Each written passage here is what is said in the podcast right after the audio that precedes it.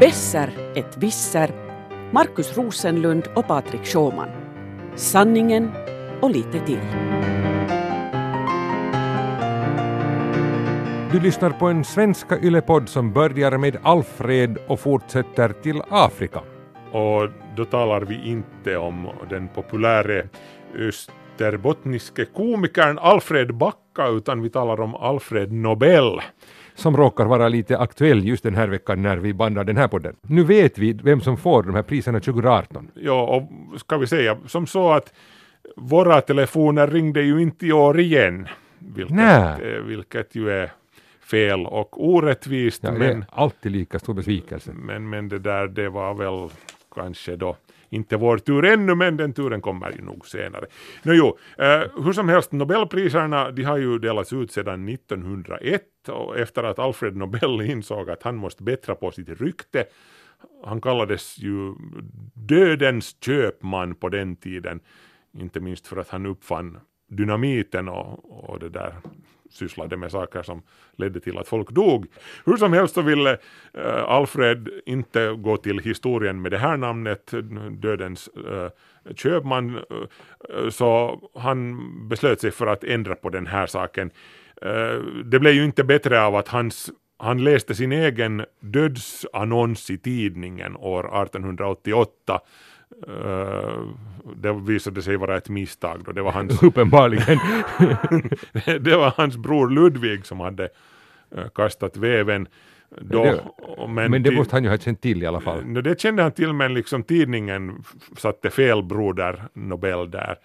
där så att mm, en liten stund trodde världen att Alfred hade gått bort. Och, och det, det här gav den gode herr Nobel skrämselhicka. Nu måste han hitta på någonting så att, eh, så att världen kommer ihåg honom för någonting eh, no, nobelt. Förstod du vad jag gjorde där? Ja, jag märkte det. Det var fantastiskt. Mm. Eh, Så, så han, han, då, han skrev raskt om sitt testamente, eller lät skriva om sitt testamente, eh, så att eh, hans arv skulle användas till att instifta ett årligt pris till personer som har gjort mänskligheten den största nytta. Och resten är ju historia som vi säger. Jag tänkte snabbt kolla in vem och varför eh, årets Nobelpriser har mottag av vem och varför årets Nobelpriser har mottagits. Eh, vi börjar med Nobelpriset i fysiologi eller medicin. Tänk nu lite, hundra år och de har inte ännu heller kunnat besluta sig om, om det här priset ska vara fysiologi eller medicin. Det är lite dåligt. Tycker. Det, det är lite, man får inte riktigt ändan ur vagnen där. Jo, nej. Nå, hur som helst så det är immunologerna James P. Allison, mm, USA och Tasuku, Tasku, det, det skrivs Tasuku men uttalas Tasku Honjo. Eh, De tilldelas priset för, sin arbete, för sitt arbete med en ny cancerbehandling. De banbrytande upptäckterna utgör en milstolpe i kampen mot cancer, konstaterar Nobelförsamlingen Eh, i sin prismotivering. Det, det handlar i, i princip om, man, om att man bussar pa patientens eget immunförsvar på cancercellerna genom att släppa en handbroms, liksom ett, ett protein på T-cellernas yta eh, som hämmar immunförsvarets eh, respons. Det, den här eh, eh, James Allison han studerade på 90-talet ett protein som, som heter CTLA som är en, en bromsmekanism som sagt på, på T-cellerna. V- Vad är nu de här T-cellerna? Jag tycker vi ska säga några ord om dem för, för de är faktiskt ganska fascinerande. Vet Alltså du, feel free tänkte jag, jag har tappat de här T-cellerna för länge sedan. T-cellerna är alltså ett, en slags, ett slags vita blodkroppar som vi har i vårt eh, system som, som på sätt och vis är eh, det republikanska gardet i vårt immunförsvar. Vet du. När du får cancer, eller inte du, men när någon får cancer så, så, så, så är det ju lite som ett uppror. Vet du. Ett gäng med celler gör uppror och börjar föröka sig vilt och, och då är det cancer. Och, Ja. och sen har vi immunförsvaret då som, som ska kom, träda till undsättning. De skickar ut då det republikanska gardet för att lugna ner situationen och slå ner det här upproret och återställa ordningen i kroppen. Och, Ja. och det är då de här T-cellerna. Det, Ja, och du, det låter annars bra, men det brukar ju inte alltid lyckas. Nej, en del av dem eh, kallas till och med mördar-T-celler. Vet du. Det är James Bond i vår kropp i cellformat. Nej, det lyckas inte alltid som du, som du säger, man, man får ju cancer ändå. Och, men, men tack vare den här uh, Nobelpri, årets Nobelpristagare James Allison bland annat så, så lyckas det lite oftare än det lyckades tidigare. För de hade alltså eh, han och de här övriga kollegorna har hittat på ett sätt att, att använda kroppens eget immunförsvar, att sätta, du, ta bort den här, den här bromsen från T-cellen som, som har fått den att tveka. Det är lite som att ge James Bond en, en extra martini i det av, den avgörande stunden. Alltså, jag sitter här, alltså det här blir väldigt rådigt. Alltså, varför har, alltså jag förstår dina liknelser, det är ju inte frågan om det, men varför har T-cellen överhuvudtaget en broms? Det är sådär som att vi har ett immunförsvar för att råda bot på, liksom om kroppen får, det blir några attacker från då bakterier utifrån, eller som i det här fallet då cancer.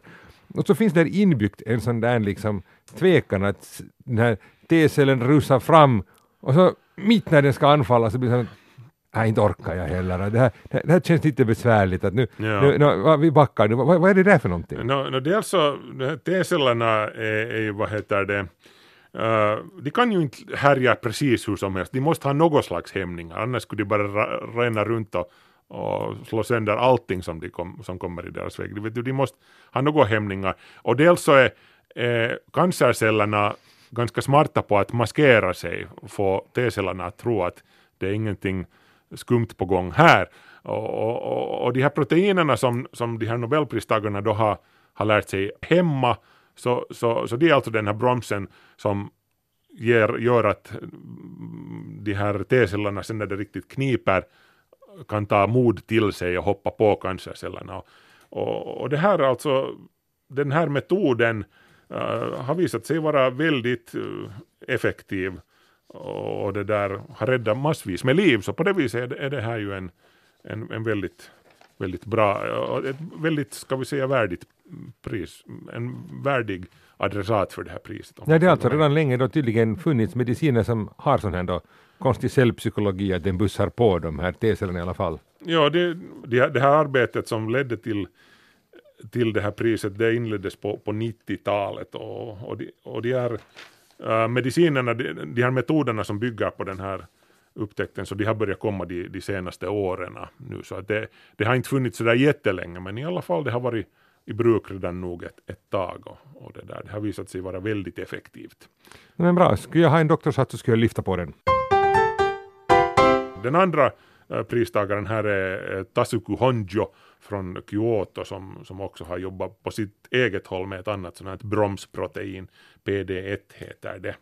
Nåja, eh, sen har vi fysikpriset eh, i år och här är det lite spännande. Fysikpriset brukar ju betraktas som vet du, the big daddy av, av de här vetenskapliga eh, priserna. I, i fjol eh, var Nobelkommittén ganska långt ute och cyklade i sfärerna, inte cyklade på det viset. Jag tyckte det var ett jättefint pris. Gravitationsvågorna eh, förtjänade verkligen ett pris i fjol, eller upptäckarna av gravitationsvågorna. Men, men nu har då Nobelkommittén kommit tillbaka till jorden riktigt med besked.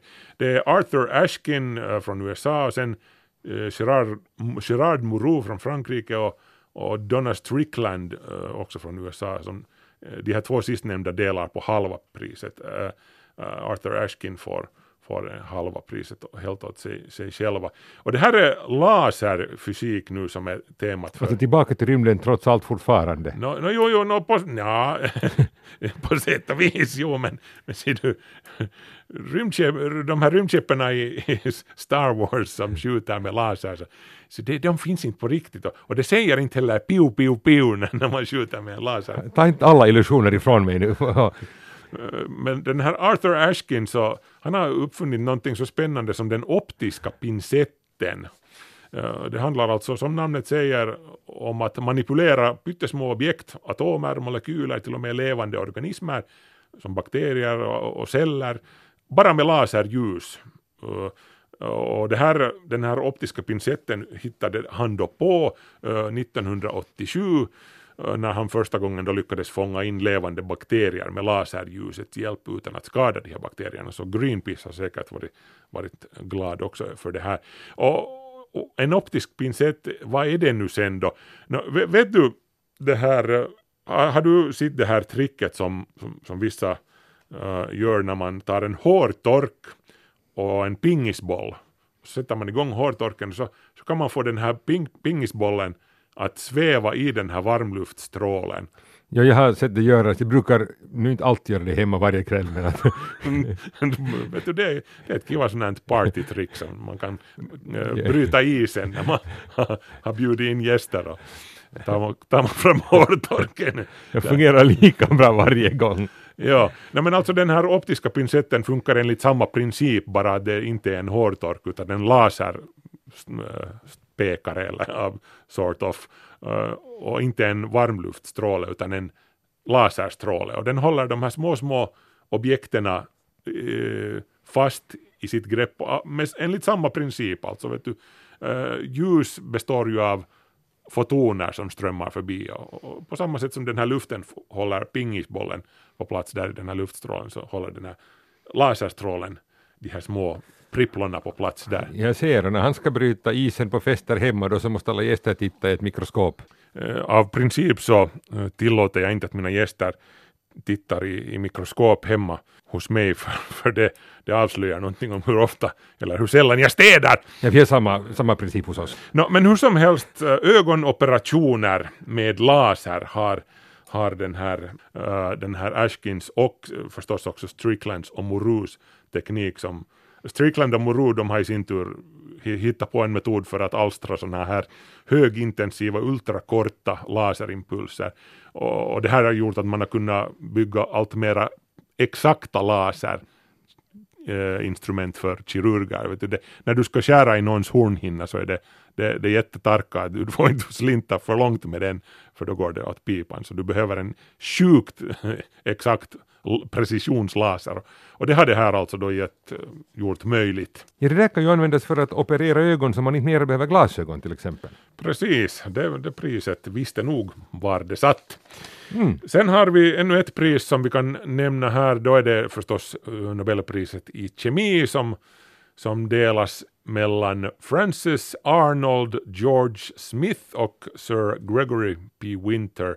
Francis Arnold är från USA och liksom även George Smith medan Sir Gregory Winter är från eh, Storbritannien. Och de tilldelas priset för att de har bidragit till att bemästra evolutionens kraft som Nobelkommittén uttrycker det.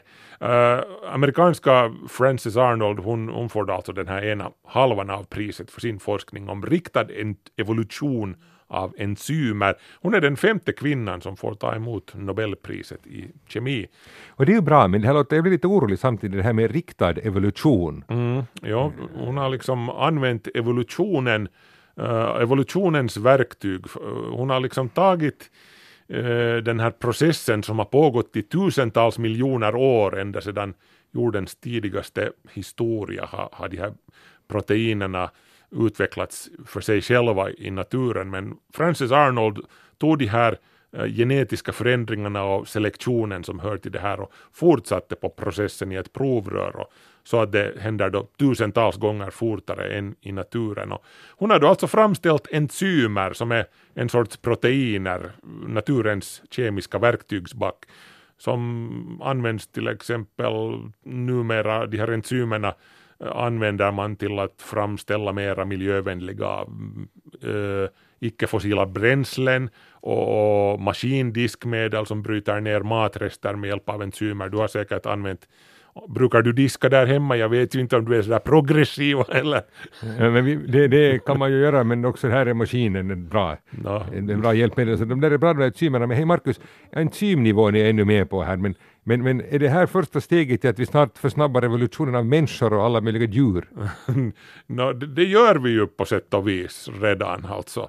Förädling. Nå, ja, okej, okay, människor förädlar vi nu inte direkt utom genom det naturliga urvalet, vet du, att vi, vi väljer partners som ser ut kiva och har nätta Ja absolut, men det är ju den, det är ju den naturliga urvalet. Men här, man ser ju framför sig den galna vetenskapsmannen nu som tar det här och plötsligt börjar använda det i väldigt konstiga syften. Ja, nej, men nu, inte, jag kan ju inte uh, lova att inte några sådana här skumheter som du tänker på nu försiggår i något laboratorium, men, men det här är nog helt, vet du, Tills Eh, vidare vi- rör vi alltså på trygga vatten. Jo, här. jo, jo, det, jag menar bakterier och, och proteiner och, och stuff, vet du, på, på den nivån så, så är det ingen, finns det inga eh, moraliska eh, det här, tvivelaktigheter i att pynja med i, laboratoriet. Ja, så länge jag kan sätta det i min diskmaskin och det hålls där så är jag nöjd. precis, ja. och, och det där, det andra, den andra halvan av priset går till amerikanen George Smith som sagt och britten Sir Gregory Winter. Uh, Smith uh, har, har då alltså utvecklat någonting som som heter fagdisplay som handlar, det kretsar kring bakteriofager. Det, det är virus som infekterar bakterier. Tänk på det här. Bakterier, Det var just det jag tänkte mig. bakterier kan få virus. Alltså en bakterie kan få, en bob, få ett virus så sitter den bakterien hemma. Ja, inte det är lätt att få feber där hemma. Nej, sen. den, sitter där och, och, och nyser och, och dricker Finrexin. Ja. Eh, Där hemma. Nej men alltså det här är ett helt nyttigt verktyg. Du kan alltså programmera den här eh, bakterien med hjälp av de här virusen, bakteriofagerna. Du kan programmera bakterien till att producera all världens nyttiga antikroppar och, och, och proteiner som du kan använda i, i läkemedel. Och det här nappade då den här andra uh, Gregory Winter på senare i sitt, sitt eget arbete. Och, och det här har gett oss bland annat bättre och tryggare läkemedel. Vet du, du kan använda mindre doser, sätta i mindre mm, mm mängder av, av lä, läkemedel i, i patienter så att, så att de har mindre bieffekter och så vidare. Så att, ännu ett jordnära och, och människonära pris. Så att jag, jag det här lyfter på hatten åt Nobelkommittén i år. Jag tycker det har varit utomordentligt fina val. Ja, nu sålde du det där åt mig också faktiskt, det här. Jag som såg plötsligt någon slags Dr. Frankenstein framför mig. Men det här, det, det är ju faktiskt mycket äh, hedervärda och bra användningsändamål för de här, också de här läkemedlen och annat som du talar om. Det, jag tycker det var, det var roligt att höra. Äh, men ehm, jag tänkte tala om något helt annat jag, också när jag plötsligt ser att det finns konstiga paralleller. Jag har den här eh, veckan tittat lite på Afrika eh, faktiskt av alla ställen.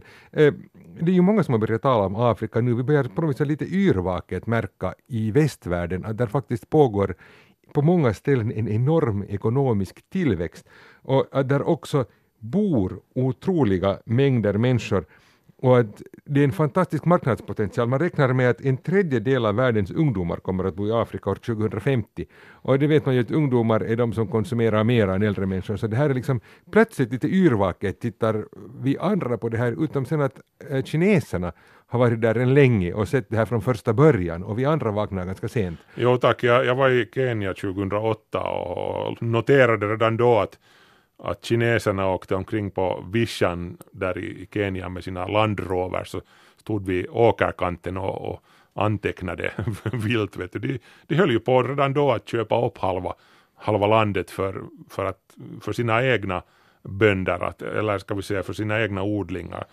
till, till sitt svällande folk som behöver mer och mer mat. Ja, men då tänkte inte du att, att, att se, om kineserna är här, då lönar det sig för mig också att bli här. Att jag beslutade mig för att bli företagare här i Kenya istället för att åka tillbaka till rundradion. Mm, ja, nej, men i och för sig det var riktigt trevligt och, och mycket varmare än, än här. Så det, det var mitt i smällkalla vintern som jag var där. Så, så att, Det, det är just så här, jag har talat med Lukas Krank som är entreprenör där i Afrika, han har varit med och grundat en placeringsfond. Han har också tittat lite på andra företagsmöjligheter. Tidigare var han eh, chef för Nokia där i de här länderna. Han är nu i Kenya, han har också varit i Etiopien och här i hela Östafrika. Han var liksom, jobbat där för Nokia. ja, och det Men- kan jag tillägga att just då 2008 så, så då var Kenya alltså Nokia-land. Alla hade Nokia där. Eh, Kenyanerna hade hoppat helt över den här bordsdator och laptop-fasen av den digitala revolutionen. De hade gått direkt från trådtelefoner till, till Nokia som var deras uh, mobila kontor. Vet du, alla småföretagare gick omkring redan 20, för tio år sedan med, med webben i sin ficka. Det, det, det var inte alls på den nivån här i Finland då ännu. Ja, just så där. Det är just där. Vi, vi tänker här att, att äh, ibland att u-länderna liksom, det, man tittar här att det är bara svält eller krig. Mm. Äh, men men där, många gånger så kan det ju hoppa över sådana skeden som vi har och vara överraskande moderna. Äh, Lukas Krank i alla fall när det, det gick ut för, för Nokia så ville han ju inte flytta bort därifrån visade sig utan han ville bli där just som han sa det var trevligt väder och kivoga människor och vad skulle han nu flytta bort därifrån mm. bara för att arbetsgivaren får lite ekonomiska problem. Ja, ha, uh, hakuna matata säger du. Vad är det, ta det lugnt, inga problem. Va? No problem, ja vet du, det, ja, det är lugnt. Det är lugnt, det, det, det. Ja, nej, men, uh, så att han liksom har då var det där och, och tittade på olika företag. Han började då i Etiopien och, och där så ser han idag att det finns kanske då två, tre andra finländska företagare idag. Han var då ensam. Och så i Uganda där han också är verksam så har han inte stött på någon finländare och i Kenya så finns det kanske 10-20 finländska affärsmän. Och så jämför han då med att säkert liksom då 500 svenskar, 2000 holländare och massor av israeler. Andra är nog där och det är länder där liksom Etiopien så är tillväxten kanske 10 procent per år och de andra mellan 57 procent per år. Och Östafrika det är ju 300 miljoner människor, alltså man jämför med mm. Finland 5,5. Ja, det är lite som EU ungefär. Ja, liksom där är bara Östafrika där, liksom, ja. där har vi ett, ett EU som väntar, det är enorma. Eller USA. Ja, ja just det, det är enorma eh, marknader, enorma potentialer, men vi har liksom inte riktigt märkt det här, vi skulle behöva den här martinin som du talade om där med James Bond, utom att alkoholkonsumtionen går ju ner i Finland och, och sådär, att det, eller någonting.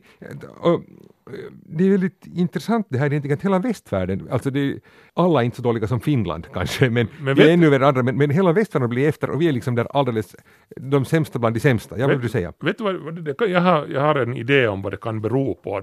Mercator-projektionen, kartan, vet du, när du ser på en världskarta som hänger på väggen så så, så då är ju Kanada är jättestort och, och, och, Grönland är enormt, Australien där nere är enormt, men Afrika är sin där, där mitt, mitt på kartan och det är ju inte, det är ungefär lika stort som Grönland. Och folk kanske tänker att inte det där, vad är det där nu att, att öda krut på så, en sådär liten kontinent. Så om vi skulle rita om den här kartan en liten mera rättvis projektion, Mercator är ju en imperialistisk eh, relik från du ser som konspirationsteori, hela ja, kartan ja. är bara ett sätt att, att få Afrika att se mindre ut. Ja. Men, ja, det, är sant, det, här, alltså, det här säger de själva helt på riktigt. Ja, den är väl, alltså, jo, det är ju svårt att breda ut alltså förstås en glob på ett papper och man har väl tänkt sig att det var matematiskt, men jag förstår att det kan vara så, för vi får ju alltså fel bild av Afrika, vi har mm. alltså fel bild av en hur stor marknad det är Eh, själv tror den här Lukas Krank att finländare generellt är lite rädda för Afrika. Och det är ju lite överraskande för att faktiskt speciellt när det gäller Östafrika så har vi ju väldigt länge ändå varit där. Vi har haft ambassader i de här länderna, Finland har haft stora ambassader i de här länderna. Vi har haft då missionärer där och folk talar engelska, de är högt utbildade, de känner till Finland tack vare en massa sådana utvecklingsprojekt. Vi blir väl mottagna, det är bra länder, till exempel Latinamerika och så här var finländarnas rykte inte alls lika bra. Det är liksom, det är bra länder för oss men ändå så, så och det är varmt. Ja, och det är, det är varmt och skönt varje sommar, inte bara den här sommaren. Det är liksom, det är äh, överraskande att, att vi på något vis inte ser de här länderna och marknaderna. Finlands export till de här länderna har hängt på de här stora bolagen ganska mm. länge. Som bolag som Wärtsilä som säljer stora kraftverk till exempel. Och, och totalt så är det ändå liksom lika stor summa varje år dessutom i euro ungefär som vi säljer för. Att det liksom är, vi hänger där på samma nivå medan kineserna då har egentligen ökat under de 10-15 senaste årens export med 300 procent. Mm. Att, att inte liksom det är ganska intressant att var, varför får vi inte liksom då ändan ur vagnen vi här då liksom? No, vet du, Donald Trump sa ju sin berömda replik om Afrika, vad han, vilket, vilken kroppsöppning han nu sen liknade Afrika vid, kommer du ihåg det? Det, det, är ju en attitydfråga. Det, det är en attitydfråga. Eh, ja, Donald Trump byter åsikt om Afrika också med några månaders mellanrum. Men... han byter åsikt om vad som helst om någon om någon betalar honom tillräckligt mycket. Det, det där.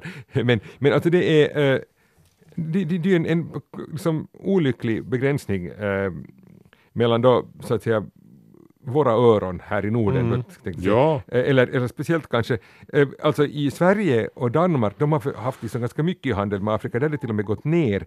Men, men det beror nu mera på det att, att just länderna alldeles i norr och så Sydafrika i söder har haft problem då under de senaste 10-15 åren. Arabiska våren i norr har tyvärr inte lett till någon väldigt bra ekonomisk utveckling. Och, och Sydafrika har haft politiska problem. Men däremellan så sker det jättemycket utveckling som vi missar. Vet, Och- du, vet du en sak, jag måste nämna en sak som, som händer däremellan som faktiskt är ganska bra. Nigeria eh, har eh, haft ett rymdprogram redan långt före Finland. Ni- Nigeria har just nu flera satelliter i omloppsbana. Finland har sin ena lilla eller två sådana här små skoaskar som, som vi bara har haft ett år eller så. Nigeria var i rymden redan vet du, för länge sedan.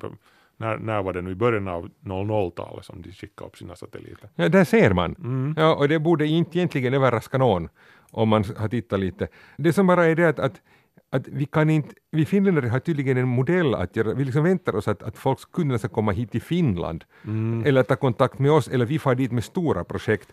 Den här Lukas Krankan säger att man ska gå, fara dit och öppna liksom någon eh, kontor där tillsammans med lokala partners och så ska man lära känna de rätta människorna och bygga sina nätverk där och så ska man då anpassa sina produkter eller tjänster till den lokala marknaden. Att vi har ibland en tendens att vi kommer med någon sån där vi sitter här i Finland i något laboratorium ungefär och hittar på någon teknisk manik som vi tycker att är världens bästa och, och sen så kommer vi dit liksom och ska förevisa den och de tycker att vi är just sådär som en hårtork och en pingpongboll, att vi är lite, Eller- de behöver inte just den. Eller fiskars snöskovlar. Eller, ja. De också kan ju vara lite svåra. plu- plus att vi, vi måste, alltid när vi kommer dit så måste vi ju fråga dem att do you know Sibelius? You know Mika Häkkinen? Och, och ja, sen så säljer vi ingenting förrän de har gått i bastun med oss. Nej, exakt.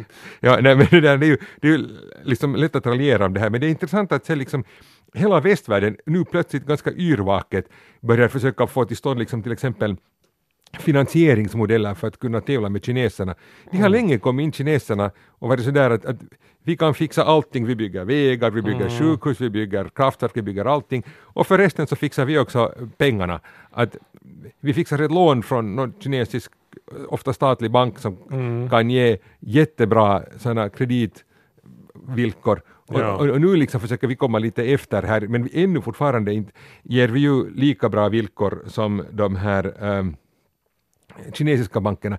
Sen kan man ju säga det att riktigt så där riskfritt har det inte varit för Kina heller. Till exempel Zambia har haft så höga amorteringar under lånen den här hösten att de har gett upp en så stor del av statsbudgeten, de här amorteringarna, att de, de senaste månaderna har de inte klarat av att betala löner till sina statstjänstemän. Ja. Så att man tippar ju där nog eh, på marknaden att, att de här kommer ju nu inte att klara att betala sina lån. Men alla stater tar ju inte liksom så här överstora skulder utan där liksom har då kineserna antagligen gjort ganska bra affärer. Och, och nu så, så, så då försöker vi då breda dem också där på finans, eh, den finansiella sidan. Och sen så kom det ett intressant råd, det att, att när man är ju rädd för olika saker, om man är rädd för främmande länder, vilket man ju kanske inte ska vara, man borde ju lära sig dem, men till exempel att, att korruptionen, att det finns ett enkelt råd egentligen, att undvik myndigheterna. Ja, ja. Gör business med, med lokala människor. Att det är liksom, att, att bara man, ju större projekt och ju mera myndigheter man involverar, ju svårare blir det att försöka, liksom, antingen så måste man då själv gå med i den här korruptionen och börja muta, det är ju olagligt både i det land man kommer ifrån och det land var man är, så det är besvärligt. Eller sen så är det ju väldigt liksom, svårt att konkurrera med andra som kanske de mutar, så att bet, bättre att hålla sig till privata sidan. Ja, no, det här är ju många insett och märkt här i Finland också, att det ibland är bättre att bara vet, undvika myndigheterna bygga den där bastun där man vill och när man vill. Och det är alltid bastun vi kommer till, vi kommer till riktiga kärnfrågorna. Ja, det är ju sant, men, men här är det ändå på ett annat sätt, vi litar ju på myndigheterna i Finland. Vi, Många litar, alltså man vill ju inte alltid att myndigheterna ska förbjuda en att bygga strandbastun, men, men, men ändå så är det ju inte så att man liksom har en sån syn att allt är bra bara man kan låta bli att involvera myndigheter. Nej, nej. Men, men till exempel ehm, i Etiopien så lär det, ska idag vara eh, väldigt tryggt att gå på i vilken stad som helst på natten utan att någonting händer en. Mm. Men kanske då inte i Kenya, där är det mera som i någon storstad i New York, där ska man nog akta var man går. Sådär. Men där finns istället hemskt mycket mera utbildade människor och, och Mm. jurister och annat som kan hjälpa företagen. Det är liksom stora skillnader på de här länderna. Man måste gå in och titta på dem som de stora marknader som de är och kanske inte bara titta på EU och, och bli förblindad av Brexit eller någonting. Nej, no, men ska vi fara då? Ja, här tycker jag vi skulle kunna instifta det här då för finländska eh, businessmän, tänkte Nobelpriset i personkemi som vi skulle kunna behöva då när vi far ut och ska, är det, är det någonting som borde tas i bruk här nu då? Hakuna Matata-priset. Det, det, det satsar vi på i framtiden, vi ska se om vi får det instiftat i Finland. Det gör vi.